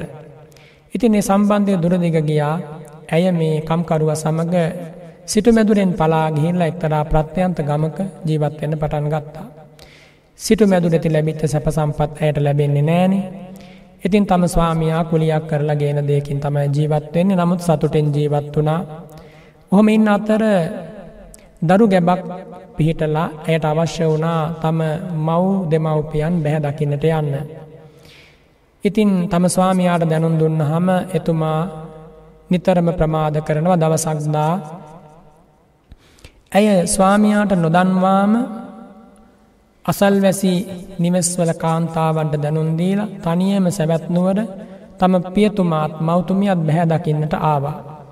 ඉතින් තම ස්වාමයා ගෙදර ඇවිල්ල බලනකොට ඇය නොදැක අසල්වැසි ස්ත්‍රීන්ගෙන් අහලා දැනගෙන ඔහු හිතනම මන්නිස්සාය කුල දීතානා තහජාතා මාත් සමග හැම සැප සම්පතක්ම අතහැරදාලා ආපු මේ සිටකුමාරිකාව තනියම මහමාරගේ දරු ගැබක් දරාගෙන ගමන් කලා මම යන්නට ඕන කියලා. වේගේෙන් යනකොට මේ සංසාරය සිදුවීම් හරි පුදුම සහගතයි. මේ පටාචාරාවට අතරමගදී මහමගදි මේ දරුව ලැබෙනවා. දරු ප්‍රසූතියක ඇති දුක දන්නේ අම්මා කෙනෙක් පමණයින් මෙහා කෙනෙක් දන්නේ නෑ. පටාචාරාවේ දුක වින්ද මහමග දරු පුතෙක් ලැබුණා. ඉති මේ පුංචි පුතාවත් හුරතල් කරමින් නැවතවතාවක් ස්වාමයා සමගම තම නිවසට ගියා පියතුමාගේ නිවසට යනයක එහෙම්මම නැවතුනා. කාලි ගෙවිල යද්දි දෙවන දරු ගැබත් පීටිය. ඒ විදිහටම තම ස්වාමයාත් සමඟ මහගෙදර යන්නට එනකොට අතර මගදි දරු ප්‍රසූතිය සිද්ධ වෙනවා. මේවා මේ ධර්ම නියාමයක් අනුවයි සිද්ධ වන්නේ කෙනෙකුට හිතන්න පුළන් මෙහෙම වෙන්නට පුළුවන්ද කියලා. ඔබට ඒක හිතාගන්නට බැරි වුනත් අදහා ගන්නට බැරි වුනත් මේ ලෝක එක්තරා ධර්ම නියාමයක් තියෙනවා. කර්මනියාම ධම්මනියාම චෙත්තුනියාම රිතුනියාම බේජනයාම කළේ නියාම ධර්මයන් වර්ග කරනවා. ඉතින් ඒ ධර්ම නියාමයන්ට අනුව දේවල් සිද්ධ වෙනකොට ඒ දෙවල්ලට මුහුණදීම විනා වෙන කාරණයක් වෙන කාරණයක් සත්වයන්ට නැති තරම්. ඒ අදහස් කරන්නේ එන හැමදේකටම මුහුණ දීලය දුක දරාගන්නවා කියන එකම නෙමෙයි. ඒ දුක අවබෝධ කරගන්නට කර්ම වෙනස් කරන්නට තතහාගතයන් වහන්සේ මං පෙත විවර කළා. ශ්‍රී සද්ධර්මය දේශනා කළා. ඒක එහෙමම තමයි. නමුත් ඒ නියාම ධර්ම ක්‍යාත්මක වෙද්දී පුද්ගලයකුට හිතාගන්න බෑ. මම මේ කොහිටද අරං යන්නේ. මම කොතනින්ද නතර කරවන්නේ. ඇයි මට මෙහෙම යන්න හිතුනේ ඇයි මට මෙච්චර සිටු සම්පතක් අත හැරදාලා මේ කුලී වැඩ කරන කෙනෙක් එක්ක වැරදි විදියට පලා යන්නට හිතුනේ. ජීවිත වෙනස් වෙන හැටි. ඉති ඒවා කරමය බලපෑමත් සමගම සමයි බොහෝ සයින් සිද්ධ වන්නේ. හැමදේම කරමය මතින් තැන් පත් කරලා බේරෙන්න්න කියනවා නෙමේ. කරමයේ පදනම යටතේ අයෝනිසෝ මනසිකාරය යටතේ අසද්ධර්ම සේවනය යටතේ බොහෝ අකුසල විපාක මතු වෙනවා. කර්ම විපාක අකුසල මේ වසයෙන් මතුවනත් යෝනිසෝ මනසිකාරය තියෙන කෙනෙකුට. ඒ විපාකයේ සෑහෙන තරම් එහි බලය අඩු කරගන්න පුළුව. එනිසා හිතට එන එන්න දේවල් ක්‍රියාත්මක කිරීමට නම් බුදුරජාණන් වහන්සේ දහම් දේශනා කළේ නෑ. උපදින සිතුවිලි චිතවේගයන් දමනය කරගෙන සිත හදාගන්නටයි මේ උතුම් අමා ධර්මය දේශනා කළේ. කොහමුණත් එදා පටාචාරා දෙවනි දරු ප්‍රසූතියත් අතර මගද සිද්ධ වෙනකොට ධාරා නිපාත අකාල මේඝයක් ඇද වැටුණා. මහා වැස්සක් ඇත වැටුණ විදුලි කොටනම ඉතින් කරගන්නම දෙයක් නැතුව දැඩි සීතලක් එනකොට තම ස්වාමයාට කියනවා සාමි මේ අනෝවස්සකන් තහානංජානාහි. මට නොතෙමෙන්න තැනක් හදල දෙන්න. අද කාලෙ වගේ කුඩ හිස්වැසුම් අරගෙන යන්නට හැකියාවක් නොතිබෙන්නට ඇති. දුප්පත් ස්වාමියකුට ඒව සම්පාධනය කරන්න. අශ්වයානාවල හස්තියානාවල තබාගෙන ඇයව රැගෙන යන්නට ඔහුට හැකියාවක් තිබුණෙ නෑ. ඉතින් මේ ස්වාමියා වටපිට බලනකොට එක්තරා තනකොළවලින් ගැවසී ගත්ත තුබසක තියෙනවා අතු ටිකක් ලීටිකක් මෙටික කපලා ඒ අත්තු සෙවිනි කරලා පොඩි පියස්සක් බාගෙන පැලක් හදාගන්න ක්ෂණිකව කටයුතු කරද්දී ඒ තුඹස හිටපු විසකූරු සර්පයෙක් දෂ්ට කිරීමෙන් මොහොතකින් ඔහු ජීවිතක්ෂයට පත්වෙනවා. ඉතින් මේ ජීවිතක්ෂයට පත්වෙනවත් එක්කම දැම් පටාචාරාව අන්ත අසරණ වුණා අන්ත අසරණ වෙලා තම ස්වාමයා දැන් එයි දැන් එයි කියල බලාගෙන ඉන්නවා. කොච්චර දුකක් ඇති වුණාද කියනවනම් දරුවෙක් බිහිකරපු ගමන් අම්ම කෙනෙකුට මොන වේදනාවක් දෙන්නේ ශරීරයට තවත් අත දරුවෙක් ඉන්නවා. මෙව්වා ජීවිතය තුළින් දකින්න බලන්න අදත් මෙම දුක්විඳින මිනිස්සු ලෝක ඉන්නවා සමාරිවිට ඔබේ ඇසට නොපෙනෙනවා වුණාට. ඉතින් ඒ වෙලාවේ මේ දුක කොච්චරද කියනවනම් බ්‍රෑ එලිවෙනකං වැස්සා. දැන් රෑ එලිවෙනකම් පටාචාර දරු දෙන්න රැකගන්න කොහොමද දනිස් දෙක පොළවෙතියලා වැලමිටි දෙකත් පොළවෙතියලා තම ශරීරයෙන් තෙමෙන දරුවන් වහගෙන ඉන්නවා එල්ලි වෙනකම් මෙම ඉන්නවා කියන එක ලේසි වැඩක්ද. දරු සෙනෙහසක ඇති බලය. අම්මා කෙනෙකුට හැර මමන හිතන්න තාත්ත කෙනෙකුටවත් ඒ දේ කරන්න පුළුවන් වේ කියලා. ඒ මව් සෙනෙහස එහෙම එකක් මා පුදුමයි අම්ම කෙනෙකුගේ සෙනෙහස. බුදුරජාණන් වහන්සේ මහරහත් උතුමු ආර්යන් වහන්සල හැරුණට පස්සේ අපේ ජීවිතයට යම් සමීප කිසිදා වෙනස් නොවෙන අමිල සෙනෙහසක් දායාද කළේ අම්මා තාත්ත පමණයි. අන්සියලු දෙනා මෙතනින් මෙපිටයි ඉන්නේ. එනිසා මාතෘත්වයක ඇති අනුවසත් මේ ධර්ම කතාවෙන් තේරුම් ගන්න වටිනවා. ඉතින් උදෑසන වෙනකං මේ විදිහට පටාචාරා. මේ දරු දෙන්න රැකගත්තා. මැරුණේ නෑ දරු දෙන්න. උදේ පාන්දරම එලි වැටෙනකොට යමු අපි තාත්ත හොයන්න කියල යනකොට මේ මලකඳ දැක්කා. මහා දුකක් ඇති වුණා. තමන්ට තිබ්බ එක්කම සරණ. තමාට කුලී වැඩ කරලා නමුත් කන්න හම්බ කරලා දීපු ස්වාමියා. මල කඳක් බවට පත්වෙලා ඇගේ පපුුවට දැනුන වේදනාව මෙතෙකයි කියන්නට බැරෑලිමෙනකන් තෙමිලා. වෙවුලමින් ගිය දරු දෙන්නගෙත් මොකක් දෝපිනකට තාම පණ රැකිලා තිබුණා. ඉතින් මේ පටාචාරා හඬමින් වැලපෙමින් දැන් කරන්න දෙයක් නෑ. මගේ අම්මයි තාත්තයි සහෝදරයයි සැබැත්නුවර බොහොම ප්‍රසිද්ධ සිටුවරු කොහ මොන තම්මයි තාත්තයි මාව එළවල දාන එකක් නෑ එනිසා යන්න ටෝන කියලා ටික දුරක් යැනකොට අචිරපති ගංගාව දෙගොඩ තලා ගලනවා. සිටකුමාරිකාවක් සිරිහාන් මැදුරුවල හැදිච්ච කාන්තාවක් මේ මහපොලව එහෙම ඇවිදගෙන ගියපු කෙනෙක් නෙමෙයි දාඩිය වහන්සයෙන් දුක්විඳපු කෙනෙක් නෙමෙයි. මග තොටේ ඇති විසම සම භූමීන් නෑ දන්නේ නෑ. ගංගාවක සැඩ පහර කොහොමද තරණය කරන්න කියලා දන්නේ නෑ. අලුත්ත පුතෙකු බීකරපු අම්මා කෙනෙක් හැටියට ඒ දුකක් පුහුලමින් පුංචි පුතා අතටගෙන දැන් දෙදෙනාම අරගෙන ගන්දෑලෙන් එතෙර වෙන්න බෑ බොර වතුර ගලනවා. රල්ල බොහොම සැරයි ඒ රල පහරට වඩා ඇගේ හදවතේ එන්න දුක් වේග ඊට වඩා සැරයි. මෙ දෙකෙන්ම පහරකන පටාචාරා පුංචි පුතා රැගෙන ගිහිල්ල ගංයවුර එහා පැත්තෙ තැබවා. වස්ත්‍ර කෑල්ලක තබලා දැඟිතින් මේ පුංචි පුතා ඉපදිච්ච ගමම්මයි පැයකීයද ගත වුණේ.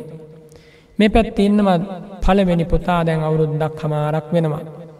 එහා පැත්ත තැන්පත් කරලා ගඟහරා මෙහි පැත්තට එනකොට ටික දුරක් ඇවිල්ල බලනවා ළමය අඩනවා ඉතින් කරන්න දෙයක් නෑ දුක දරාගන්න. වෙනවා වෙන කරන්න දෙයක් නැති නිසා. ඇයි ඉතිං ගඟ මැදට ඇවිල ටික දුරක් දෙපැත්ත බලමින් මහා පපුය වේදනාවක් දුක් වේදනාවක් සමඟ ලොකුපුතාර අරංයන්නට එනකොට උකුස්සෙක් ඇවිල්ලා මස්වැදැල්ලක් කියන අදහසින් අර පළමුුවනි එතෙර කරන ලද දෙවන පුතා ඩැහැගත්තා අම්ම කෙනෙකුට මොන වේදනාවක් ඇති වෙන්නට ඇතිද. උකුස්සෙක් මස්ත දැල්ලක් වගේ අරං යනවා ඇයට කරන්න දෙයක් නෑ අහප දෙස බලාගෙන කෑ ගැහුවා. කෑගහලා අත් ගසලා මේ පුංචි පුතාව බේරගන්න බැලුවා. පළවෙනි පුතා හිතනවා මගේ අම්ම මට කතා කරනවා කියලා. පුළුවන් විදියට දනගහගෙන ඇවිල්ලා ගං ඉවුරට වැටුනා විතරයි රලවේගයෙන් ගසාගෙන ගියා. මෙපිට බලනකොට උකුස්සා මස් වැදැල්ලක් වගේ පුතාරං යන අනි පැත්ති බලනකොට රල පහරින් ගහගෙන යනවා. බොර වතුර පාර රලපතර දෙගොඩ තලා ගරනවා පටාචාරාවගේ පපු ඇති වෙච්ච ගින්න මොන කවියකුටද කියන්න පුළුවන්. කාටද පොතක ලියන්න පුළුවන්. කාට දේමෙනුවෙන් ගී පද හදන්න පුළුවන්. ඒ දුක්ගින්න දන්නේ අය පමණයි. ඇයට ඉහලින් ඉන්න එකම උතුමන් වහන්සේ දන්නවේ දුක්ගින්න භාග්‍යවත් බුදුරජාණන් වහන්සේ. වෙන කාටත් ඒ දුක්ගින්න පමණකින් වැටහෙන්නේ නෑ. කරන්න දෙයක් නෑ දැම් පිස්සියක් වගේ වෙලා. සිහිය නෑ කල්පනාව නෑ යෝනිසෝ මනසිකාරය නෑ. කොහොම හරි සැවැත් නුවට පැත්තට ගොඩ වුණා. පාරි අහු හම්බ වෙච්ච මනුස්සකුගෙන් අහනවා අර අසබල් වීතියේ තියෙන සිටු මැදුරේ ඉන්න සිටතුමා සිටතුමිය හොඳින් ඉන්නවද කොහොමද අත්තන්ගේ තොරතුරු සනීපයෙන් සතුටින් ඉන්නවද කියලා මෙහෙම අහනවා. ඉතින් මෙහෙම අහද්දී ඒ පුද්ගලයා කියනවා ඔබ ඔය කාරණය මගෙන් අහන්න එපා. ඔබ ඔය කතාව මගෙන් අහන එකට මම කැමති නෑ. අන්‍යේන මේ පයෝජනං නත්හි තදේව පුච්චාමිතාත. මට වෙන දෙයක් ඔබෙන් අහල වැඩකුන්නෑ මහපුදයට උත්තරයක් මට ලබා දෙන්න කියලා හැඩූ කඳුලින් මේ පටාචාරාව කියන්නේ. ඉතින් මේ පුද්ගලයා කියනවා අම්මතුවන් අනාත්චික්කිත් හුන්න දේසි මට නොකයායින්න ඔබ ඉඩ දෙන්නේ නෑ එහෙනම් ඔබ මේක දැනගන්න අම්ම අජ්ජරත්තියන් සෙට්හීච භරියාච සෙට්හි පුත්තෝච චාති තයෝපි ජනේ අවත්තරමානන්ගේ හම් පති. දියනිය ඒ රාත්‍රයේ මහ වැස්සක් වැටුණ කෙල ඔබ දන්න වනේද ඔබ දකින වනේ දාචිරපති ගඟ දෙගොඩ තලා ගලනවා. අන්නේ වැස්සට ඒ සිරිතුමාගේ සිටුමාලිගාවේ මැටි බිත්ති තෙමිලා ඒ මැටි බිත්තිරෑ කඩා වැටිලා තුන් දෙනාම එකම තැනක මලකඳම් බවට පත් වෙලා නගරවාසීන් එකතු වෙලා අන්න පුච්චනව කිව්වා. ඔබට පේනවා දර ඈත ගස්සුඩින් උඩට නගින දුම්මාලා දුම් වලලු. ඒ ඒ දරවලින් නැගෙන තිදෙනාම ආදානය වන සෑයේ දුම් වලලු කිව්වා. ඔබ හිතන්න පටාචාරට මොන්න තරන් දුකක් ඇතිවෙන්න ඇද තාම තරුණයි කිසි දුකක් මින් පෙර විඳලනෑ ඒ පටාචාරාවට ඇතිවෙච්ච දුක දන්න වනන් දන්නේ මේ ලෝකෙ භාග්‍යවත් බුදුරජාණන් වහන්සේ විතරයි. වෙන කාටවත් ඒ දුක තේරෙන්නේ නෑ ඒ ඇයට ඇතිවෙච්ච දුක කොච්චරද කියනවනම් තස්මින් කනේ නිවත්හ වත්තාම්පි පතමානංන සංජානි. ඇඳගෙන හිටපු වස්ත්‍රය ගැලවෙලා වැටුණ පටාචාරාවට ඒක දැනුනි නෑ. කාන්තාවකගේ හැදිවත ගැලවෙලා බිමට වැටෙනවා කියන එක තරම් නින්දාවක් දුකක් වේදනාවක් තවත් තියෙනවද. මිය දෙන එක ඇයට ඊට වඩා නම්බුකාරයි. මලිත්තියා දුච්චරිතං. ඉතින් එනිසා ඇයට දැන් සිහිය නෑ. යන්නේ කොහෙද? කතහා කරන්නේ මොනවද? මොකක්ද මා දැන් කළ යුත්තේ? කුසගිනි දැනෙන්නේ නෑ. සාපි පාසා දැනෙන්නේ නෑ. පපුුවේ ඇවිලෙනවා ගින්නක් පුදුමාකාර විදිහට පිච්චෙනවා. ඒ ගින්නෙන් පිච්චෙන පිච්චීම දන්නේ ඇය විතරයි. තුන්ලොවක් සනහාලන ධර්මරාජ බුදුරජාණන් වහන්සේ ඒ දුක දෙස බැලුවා. මිනිස්සු ගල්වලින් ගැහ්වා ගච්්‍ය උම්මත්තිකේ උම්මත්තිකාව ඔබ මේ පැත්තෙන් දුවල යන්න නිරුවතින් ගැහැනියක් හැසිරෙනකොට එක ජන සමාජය ආචාර ධර්මවලට හොඳ නෑ. ඉතින් ගල්වලින් මුල්වලින් ගහල එලවල දැම්ම. ඔහොම දුවනකොට ඇගිලි වැදුනා ගල් මුල්වල ලේනවා. ශරීරයේ සීරිලා කිහෙරැලි කඩාගෙන වැටිලා. ඇස් දෙකෙන් කඳුළු බේරෙනවා නහයෙන් හොටු බේරෙනවා කටින් කෙළ බේරෙනවා. මළමුත්‍රාත් බේරෙන්න්නට ඇති එව්ව හැම එකක්ම මේ බණපොතේ සඳහන් වෙන්නේ නෑ. දුකේදි විපතේදී ඔය වගේ දේවල් සාමාන්‍ය දේවල්. කරන්න දෙයක් නැති තැන පටාචාරා දැන් කොහෙ යන්නද අම්මෙක් නෑ පිහිට වෙන්න. තාත්තෙක් නෑ පිහිට වෙන්න. සහෝදරයෙක් නෑ පිහිට වෙන්න. දරුවෙක් නෑ පිහිට වෙන්න. දුටු දුටුවන් ගල්මුල්වලින් මයි සැලකුවේ. ආදරණීය වදනක් සෙනෙහෙ බර වදනක් පිහිටක් පිළිසරණක් සලසන්නට අයට. එදා ඒ බාහිර සමාජයේ කවුරුවත් ඉදිරිපත් වනේ නෑ. හැම දෙනා විසින්ම කොන්කරූ හැම දෙනා විසින්ම අතහැරියද අතහැරලදාපු. හැම දෙනාගේ පිළිකුලට භාජනය වූ හැම දෙනාගේ විවේචනයට භාජනය වූ. පටාචාරා උත්තමාවිය දෙස තුන්ලොවක් සනසන මහ කරුණාවෙන් යුතු ධර්මරාජ බුදුරජාණන් වහන්සේ බලාවදාලා. බුදු ඇසට පෙනුන පටාචාරාව බුදු කරුණාව ලැබුණ පටාචාරාවට අධිෂ්ඨාන කලා බුදුරජාණන් වහන්සේ පටාචාරාව දෙව්රම් වනාරණ දෙසට පැමිණේවා කියලා. පිංවතුනි බුදුරජාණන් වහන්සගේ කරුණාවසීමිතයි. ඒ බුදු කරුණාවට යමෙක් පිටු පානවනං ඔහුගේ අවාසනාවේ මහත්වයක් මෙපමණයි කියන්න බෑ. පටාචාරාව දන්නේ නෑ දැම්මේ කොහෙට දෙයන්න කියලා. සිහි විකල් වෙලා ඇවිදගෙන යනවා. ඇය යන්නේ ශාන්ත අම නිවන්පුරයට ඇය දැනගෙන හිටිය නෑ පෙර සංසාරි කරපු පින් බලයෙන් මෙහෙවලයි ඇයව රැගෙන යන්නේ. පින් බලයෙන් මෙහෙවල අමපුරයට රැගෙන යනව වගේම පව් බලයෙන් මෙහෙවලා බොහ දෙෙන අපාය පැත්තටත් ඇදගෙන යනවා.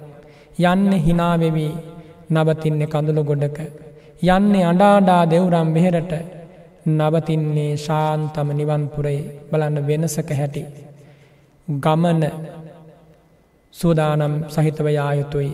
ගමන අවබෝධයෙන් යායුතුයි. ගමන අභියෝගාත්මකයි. ගමන නුවනැත්තන්ගේ අනුශාසනා මැදින් යායුතුයි. බුදුරජාණන් වහන්සේ පටාචාරාව ඇතින් එනව දකිනවා බණ මඩුව හිටපු දෙනෝ දාහක් දෙෙන උම්මත්තිකාවක් බණ මඩුව දෙසට එනවා ආචාර සමාචාර නැති විලිබිය නැති ගැලපෙන්නේ නෑ මේ තපෝ භූමියට එවන් කාන්තාවකගේ පැමිණීම වහාම නිරපාරින්න කිව්වා. තත්හාගතයන් වහන්සේ මානංවාරයිත්හ එයාට එහෙම කරන්න එපා මාළඟට එන්න දෙන්න කිව්වා. ඇය එලවා දමන්නට එපා සරණ සොයාගෙන මා වෙත මේ එන්නේ. පිහිට හොයාගෙන මා වෙත මේ එන්නේ. මා ප්‍රතික්ෂේප කළොත් මා ඇයව එලවා දැම්මොත් ලෝකෙ කවුද ඇයට පිහිට වෙන්න දෙවියෙක් බ්‍රක්්මයෙක් වෙන කවුරු පිහිට වෙන්නවත් ඉදිරිපත් වෙන්නේ නෑ. මේ වගේ අසරණයන්ට පිහිට වෙන්නයි මං මේ ලෝකෙට පහළ වෙන්න. සමත්‍රින් සත් පාරමී ධර්ම තෙරක් නැති සංසාරයේ ඉමක් නැති දුක් උහුලලා අද්විතීය අධිටනින් පූරණය කළේ දැන්නේ පටාචාරාවට දොරගුළු විවර වුණා දෙවුරම් වනාරණය යොමු වුණා බුදුවැස මහාකරුණා ධාරාව මා වෙත එන්න දෙන්න කිව්වා. ළඟට ආවා බුදුරජාණන් වහන්සේගේ අමා බුදුවදනක් පිට වුණා. සතින් පටිලබ භගිනී කෙලවදාලා නැගනිය සිහිය එලවා ගන්න. තාවදේව මුද්ධානු භාවයන සතින් පටිලබිත්වා නිවත්හවත්හස්ස පතිත භාවන් සල්ලක් හෙත්වා හිරොත්තප්පම් පච්චු පට්හා පෙත්වා ඔක්කුටිකං උපනිසජ්ජාය නිසීදි.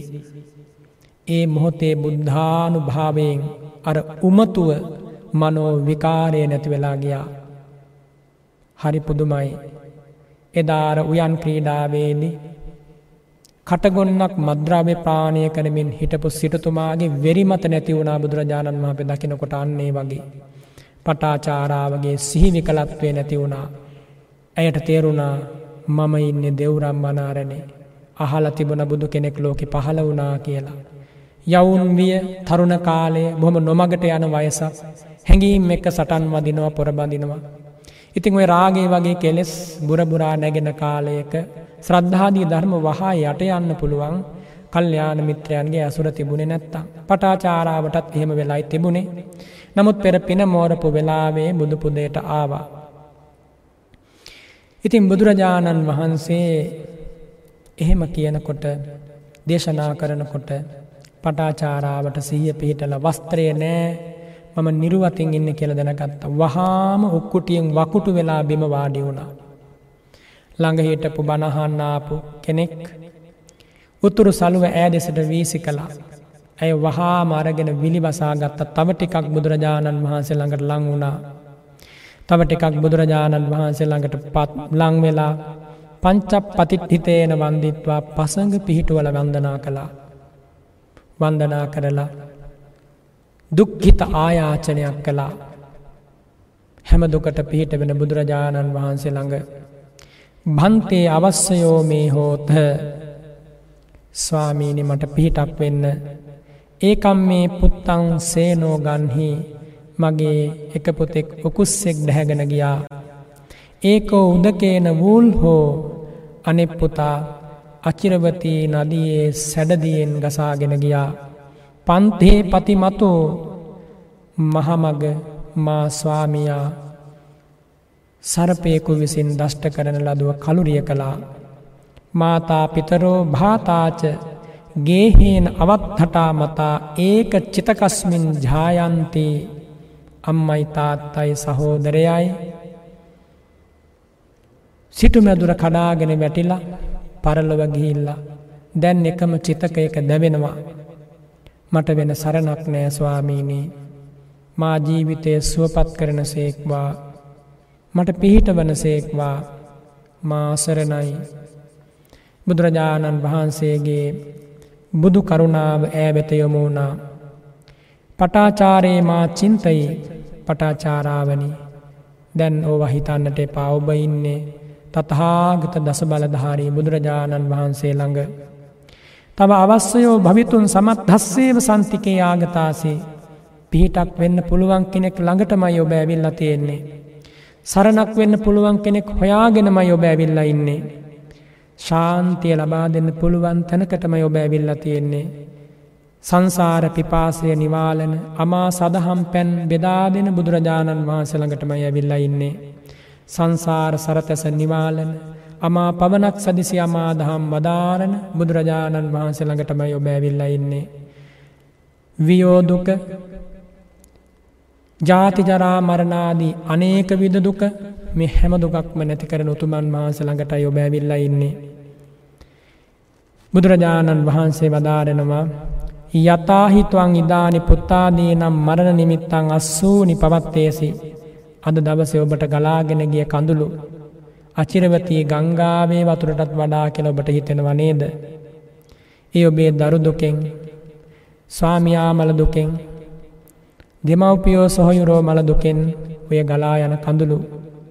ඒවන් අනමතක්ගේ සංසාරයේ මේ කෙලවරක් නැති සංසාර ගමනේ පුත්තාදීනම් මරණහේතු පවත්තිතං අස්සූ චතුන්නම් මහා සමුද්දානං උදකතෝ බහුතරං අම්ම තාත්ත මැරිච්ච වෙලාවේ. දරුභාරයා ස්වාමිවරු වියෝවෙච්ච වෙලාවේ ගැලූ කඳුළු ධාරා සිව්මා සාගරයේ ජලයට වැඩි පටාචාරාවෙනි. චතුසූ සමුද්දේසු ජලම් පරිත්තකං තතෝ බහුම් අසු ජලං අනප්පකං. දුක්හේන පුට්ටස්ස නරස්ස සෝචනාකින් කාරණාත් අම්මතුවම් පමජ්ජසි. ඇයි දියනි ඔබ තාම ප්‍රමාද වෙන්නේ. සිව්මා සාගරයේ කඳුළු ජලයට වඩා කඳුළු හලලා මේ ලෝතුරා බුදුරජාණන් වහන්සේ නමක් ළඟට ආපු මොහොතේ ඇයි ඔය පුංචි පුංචි දේවල් හිතේ දාගෙන පීඩා විඳ විඳ ජීවත් වෙන්නේ. ඔබ මේම ගැන හිතන්න. බුදුරජාණන් වහන්සේ මෙහෙම දේශනා කරමින් වදාරනවා. පුත්තාදයෝ නාම පරලෝකං ගත්්‍යන්තන්ස තානංවා ලේනංවා සරණංවා භමිතුන් නසක්කොන්ති පටාචාරාවෙනි.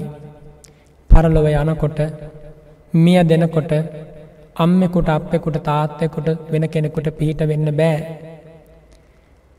පණ්ඩිතේන අත්තනෝ සීලං විසෝධෙත්වා නිබ්බාන ගාමී මක්ගෝයේව සාධී තබ්බෝ නුවනැත්තා විසින් සීලේ පිරිසුදු කරලා ගුණ ධර්ම පුරවගෙන නිවන් මඟ පිරිසුදු කරගන්නට ඕන. නසන්ති පුත්තාතානාය නපිතා නපිබන්ධවා අන්තකේ නාධිපන්නස්ස නත්තිඥාති සුතානතා ඒත මත්හ වසංඥත්වා පණ්ඩිතෝ සීල සංවුතෝ නිබ්බාන ගමනං මක්ගං කිප්පමේව විසෝධයේ මෙන්න මෙහෙම වදාලා. දරුවෙකුගේ සරණක් ඔබට නෑ සැමියකුගේ සරණක් පටාචාරාවෙන ඔබට නෑ. ඥාතියකුගේ සරණක් ඔබට නෑ. දිවිගෙවා අවසන් වන මොහොතේ පිහිට වෙන්න කෙනෙක් ඔබට ඉදිරිපත් වෙන්නේ නෑ. මේ කාරණය ඔබ දැනගෙන ඒත මත්හ වසංඥත්වා පණ්ඩිතෝ සීල සංවුතෝ සිල්වත් වූ පණ්ඩිතයා. කිප්හං නිබ්බාන ගමනම් මක්ගම් විසෝධයේ. ඉතා ඉක්මනින් නිවන් මග පිරිසුදු කරගත යුතුයි කියලා.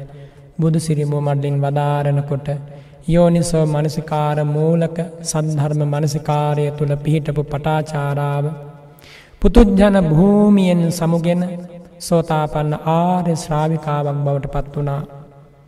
එදා දවසේ වෙන්න තියෙන හැම්ම අවමංගල්ලයක්මත් සිද්ධ වෙලා ලබන්න තියෙන සසරගමනේ උත්තම මංගල නිමේශය පටාචාරාවට හිමි වුණා. අර ජන සමාජයේ තියෙන්නේ උහුලන්න බැරි දුකක් අවසන් වෙන්නේ. ලොකුම සතුටකට මුලපුරල කියලා ඒ කතාවෙත් යම් ඇත්තක් තියෙනවා. පටාචාරාව දැන් සෝතාපන්න ආර්ය ශ්‍රාවිකාවක් යළි හඬන්නට වැලපෙන්නට පුතු මල සොවින් සැමියා මල සොවින් ඥාතිහිතබතුන් දෙමව්පියන් මල සොවින් ආය කඳුළු හලන්නට වමනා නෑ. ඉතින් ඒ වෙලාවේ බුදුරජාණන් වහන්සේගේ ළඟ ධනින් වැටිල ස්වාමීනි මහා පැවිදි කරන්න මට වෙන සරණක් තැන් නෑ. බුදුරජාණන් වහන්සේ භික්‍ෂුණීන් ළඟට යවලා ඇයව පැවිදි කලා නොබෝ කලකින් උප සම්පදා වුණා දැන්න ඇය සෝදානම් වෙන්නේ. විපස්සනා නුවන තවදුරටත් දෙවුණු කරලා මේ ජීවිතයේ මහාරහත් භාවයට පත්වෙන්න. ඉතින් ඒ විදියට එදා පටාචාරාව උපසම්පදාව ලබල දවසක්දාර විහාරයට යනකොට පාදෝවනය කරලා ගලා යන ජලය දෙස බලලා මමුලින් කිව්ව වගේ සතිය හොඳට පිහිටුවාගෙන යෝනිසෝ මනසිකාරය හොඳට අවධි කරගෙන ඉන්න වෙලාවේ ඇයට වැටහෙනවා මයා පටහමං ආසිත්ත උදකංවිය ඉමේ සත්තා පටහම වයේ මරන්ති. මම පළමුකොට පාදෝවනය කිරීම පිණිස ඉසින ලද ජලය ටිකදුරක් ගිහිල්ල පොළොවෙ හිඳුන වගේ මේ සත්වයෝ යොවුන් වයේ මැරෙනවා. තතෝ දූරංගතන් දුතියවාරයේ ආසිත්තං උදකංවිය මධ්‍යම වයේපි ඉට වඩා වැඩිදුරක් ගිහිල්ල පොළොවේ අතුරුදන් වී සිඳීගිය ජලය වගේ මැදි වයසෙ මැරෙනවා. තතෝ දූර තරංගතන් තතියවාරය ආසිත්තං උදකං විය පත්්‍යම වයේපි මරන්තියේම ඊට වඩා වැඩිදුරක් ගිහිල හිඳුන වගේ සත්වයෝ ජීවිතය අවසන් වෙලා මැරිල යනවා. තුන්ලොවක් සනසාලන ධර්මරාජයන් වහන්සේ සුවඳකුටිය ඉඳගෙන ආලෝක ධාරාවක් යොමු කළා. පටාචාරාව ඉදිරියේ බුදුරුව මැවුණා. පටාචාරාව හිතුවා අනේ මගේ ශාස්තෘන් වහන්සේ මට පිහිට වෙන්න නැවතත් මේ විහාරයට වැඩම කලා කියලා. බුදු සිරිමුව මඩලින් වදාරනවා නිර්මිත බුදුරුව ඇය ඉදිරියේ වැඩඉන්නවා ඒව මේ තම් පටාචාරයේ පටාචාරාවෙන ඔබ හිතපු විදිිය හරියට මහරි. සබ්බේපි මේ සත්තා මරණ ධම්මා මේ හැම සත්වයෝ මැරෙන සුළුයි. තස්මා පංචන්නන් කන්දානං උදයබ්බයන් අපස්සන්තස්ස වස සතන් ජීවතෝතම් පස්සන්තස්ස ඒකාහම්පි ඒකක් ගනම්පි ජීවිතන්සෙයෝ කෙළ වදාලා. එනිසා මේ ස්කන්ධයන්ගේ හට ගැනීම නැසීයාම දකිමින් විදර්ශනා නුවනින් පිරිසිඳමින් මොහොතක් ජීවත් වෙන එක වටිනවා. ඔය ඥානයේ නැතිව අවුරුදු සීයක් වුණත් ජීවත් වෙලා පලක් නෑ පටාචාරාවෙනි කියලා. ඒ බුදුරජාණන් වහන්සේ දාවදාලා යෝච්ච වස්ස සතං ජීවේ අපස්සං උදයම්බයං ඒකාහං ජීවිතං සෙයෝ පස්සතෝ උදයබ්බයං. මෙමයේ උතුම් පනිවිඩය දහම් පනිවිඩය ඇයට ලබා දුන්නේ ගාථාව අවසන් වනේ පටාචාරාවගේ සසර සමු ගැනීමත් සිද්ධ වෙමින් ඇය රහත් උත්තමාවයක් බවට පත් වනා ඇය පරිනිර්වාණයට පත්වෙන්නට හෙවත් ස්කන්ධ පරිනිර්වාණයට ආසන්න සමයේ ඒ තම ජීවිතය ගැන පුනරාවර්ජනයක් සිද්ධ කරමින් තමයි අරමා මුලින් වදාල් ප්‍රකාශ කළ ගාථාවන් වදාලේ. ඇය හිතුවා මෙ මහපොළවේ ඉන්න මිනිස්සු මහපොළොව පෙල්ලල වතුර හරබල කරමැටි මඩමැටි බවට පත් කරලා බීජ වපුරල අස්වයන්න නෙලාගෙන අමුදරුවන් පෝෂණය කරමින් ජීවත් වෙනවා. ඔවුන්ගේ ධාඩිය කඳුළු හැ වැගිරීම සපල වෙනවා. සිල්වත් වූ කම්මැලි නැති කපටි නැති කියන දේහාන බුදුරජාණන් වහන්සේගේ අවවාදී පිළිපදින මට ඇයි නිවන් දකින්න බැරි. එහෙම හිතමින් තමයි එදා පාදෝවනය කරලා. විහාරයට ඇතුළු වෙලා බුදුරජාණන් වහන්සේගේ අවවාදයෙන් අර පහන්දැල්ල නිවෙන මොහොතේදී සියලු කෙලෙස් සිලු නිවාදාලා මහාරහත් භාවයට පත් වනේ. ඉතින් මේ උතුම් කතාපුවතමා ඔබට කියා දුන්නේ ජීවිතයට ගතමනා බොහෝ පාඩම් තියෙනවා.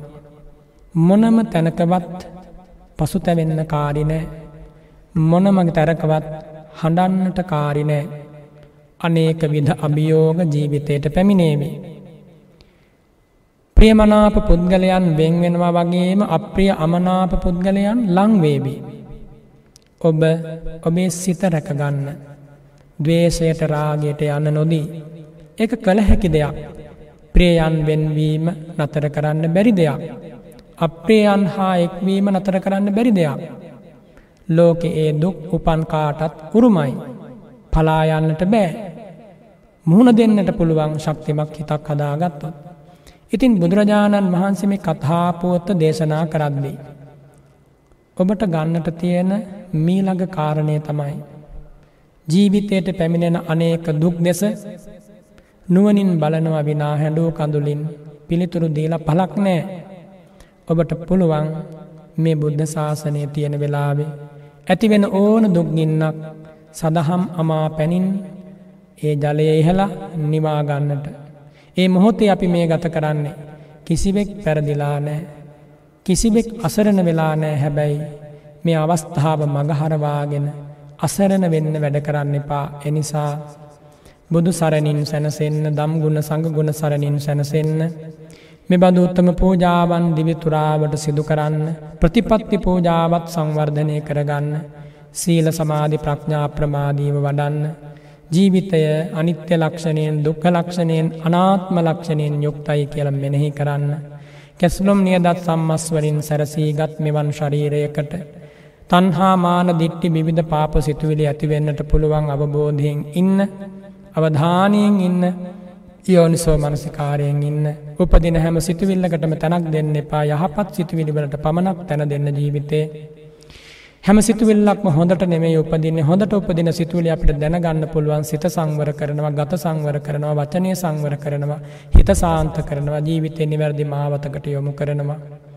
මෙවන් දහමක් ඇති වෙලාවක අපේ ජීවිතවලට ඒ දහමි සැනසීම ලබන්නට මේ ජීවිතයේ වටිනාම කාලය කැප කළ යුතුයි. ගැටුම් පැතුම් සිතුම් මෙ ඔක්කොම දුකට හේතුවන නිසා මුතු පැතුම් වුවමනානෑ අමුතු ගැටුම් වුවමනානෑ අමුතු විවේචන අවශ්‍ය වන්නේ නෑ. වැදගත් වන්නේ කෙසේදමා නිවෙන්නේ කියන මෙන්න මේ චින්තනයයි.